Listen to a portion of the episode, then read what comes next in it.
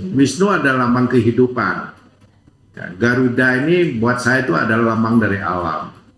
Banyak yang ribut, kenapa pematung kok bisa apa namanya menjadi arsitek gitu? Iya. Saya saya bingung juga jawabnya begini. Kreativitas itu tidak ada siapa pun boleh menghambat. Itu ingat. Betul. Ya, tidak boleh ada yang menghambat.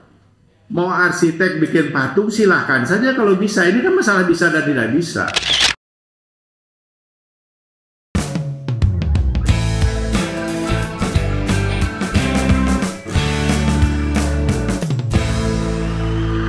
Halo Sobat Antara, kembali lagi bersama saya Afid Safri dalam program Cerita dari Selatan dalam podcast Antara.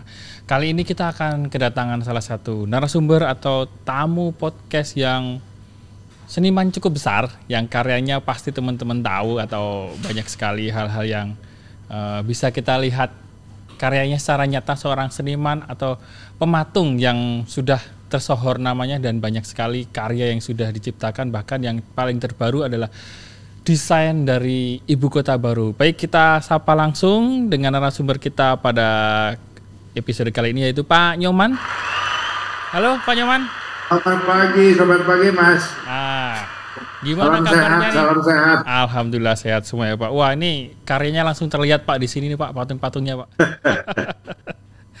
Pak Nyoman kita akan langsung ngobrol aja Pak mengenai pengalaman Pak Nyoman nih Pak. Eh, beberapa karya ternyata sangat luar biasa dan sudah teruji lah Pak keandalannya di beberapa karyanya yang eh, masterpiece-nya. Nah ini gimana nih Pak ceritanya Pak Nyoman itu menjadi seorang seniman patung Pak?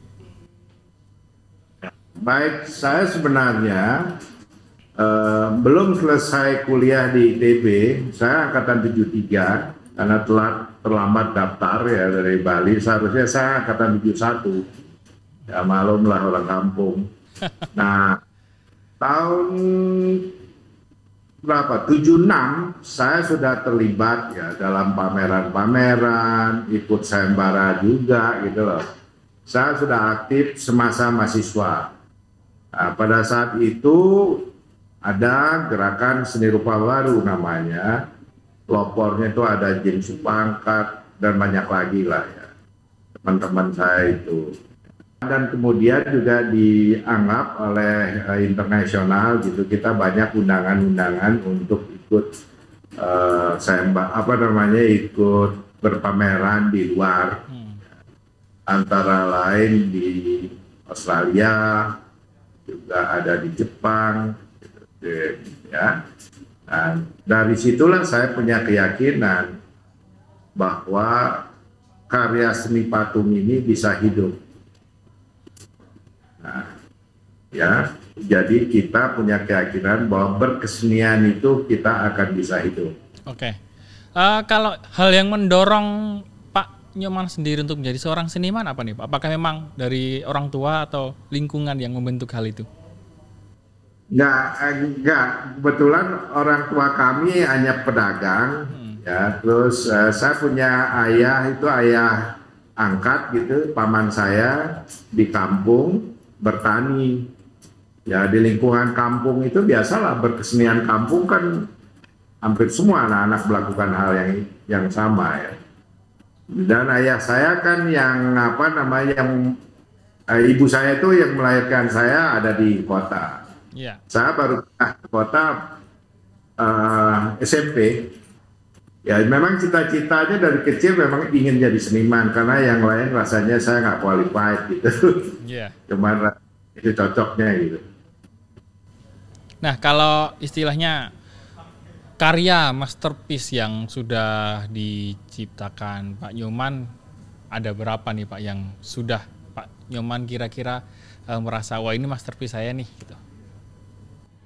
Begini, kalau jumlah jumlah karya koleksi Hmm. ya itu hampir 300 karya patung ya.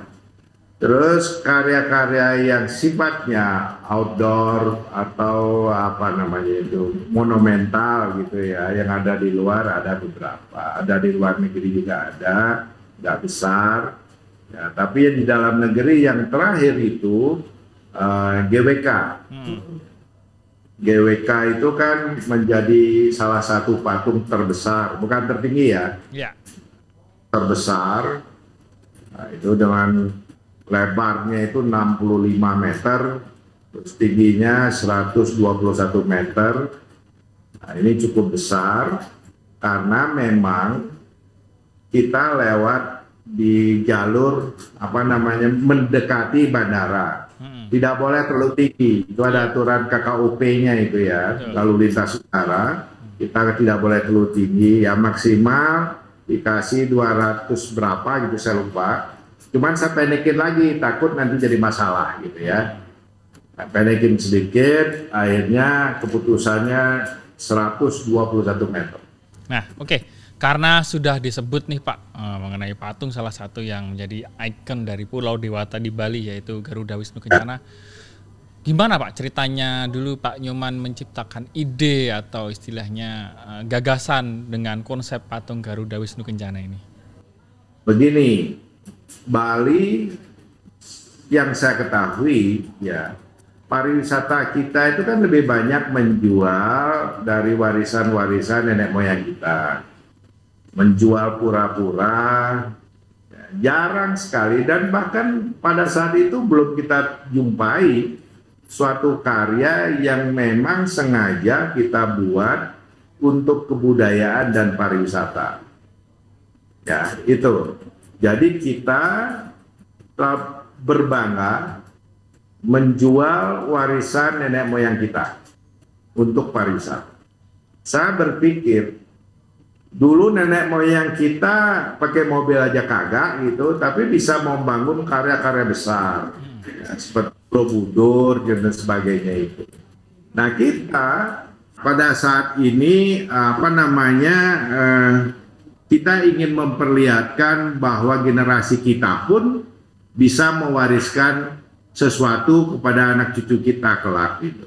Nah maka dari itulah saya bercita-cita membangun GWK ini dan juga begini eh, kebetulan di kawasan itu adalah kawasan yang gersang ya Gunung Kapur yang ditinggal oleh penambang kapur dan tidak bisa dimanfaatkan untuk pertanian air tidak ada top soilnya juga tidak ada jadi satu-satunya yang saya lihat adalah alternatif membangun objek wisata itu untuk memperbaiki kualitas kesejahteraan masyarakat yang tinggal di kawasan tersebut yang namanya Bukit Ungasan itu. Ya.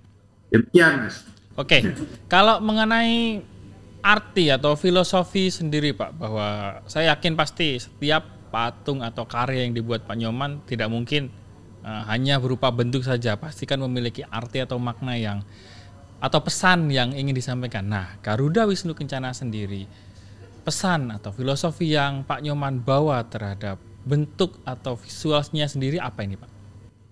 Begini, Garuda Wisnu itu memang uh, suatu bentuk yang tidak dipisah. Hmm. Dua nama tapi sebenarnya satu. Ya, ada Garuda, ada Wisnu. Wisnu adalah lambang kehidupan. Ya, Garuda ini buat saya itu adalah lambang dari alam. Jadi kita ini ya hidup itu menanggung ya memelihara berkewajiban memelihara beban apa namanya apa uh, alam ya maka dari itulah Garuda itu memanggul lambang kehidupan itu yaitu Wisnu ya jadi relevan buat saya untuk dewasa ini kita harus kembali kepada alam ini ya mencintai alam ini Wisnu lambangnya yang diketahui secara umum itu air. Tanpa ada air kita kan nggak bisa hidup gitu loh. Betul. Ini yang menjaga kehidupan ini Garuda yang gagah itu. Kurang lebih seperti itu. Ya memang ada cerita backgroundnya, uh, saya tidak begitu tertarik itu ya. Uh, dia uh, apa namanya Garuda itu berjanji akan menjadi tunggangan uh, Batara Wisnu karena Wisnu pernah Dewa Wisnu menolong ibunya membebaskan dari perbudakan itu itu backgroundnya. Yeah. Tapi yang saya lihat uh, artinya apa? Kita ini harus menjaga alam ini. semesta itu. Itu jadi relevan sekali dengan keadaan sekarang yang kita harus aware terhadap environment gitu ya. Apalagi sekarang di mana-mana orang ngomongin green design. Betul. Nah, itu jadi ini harus diingatkan kembali khususnya uh, masyarakat Bali itu sendiri yang mungkin sudah mulai lalai terhadap filosofi-filosofi yang sebenarnya sangat-sangat relevan dengan keadaan dewasa ini.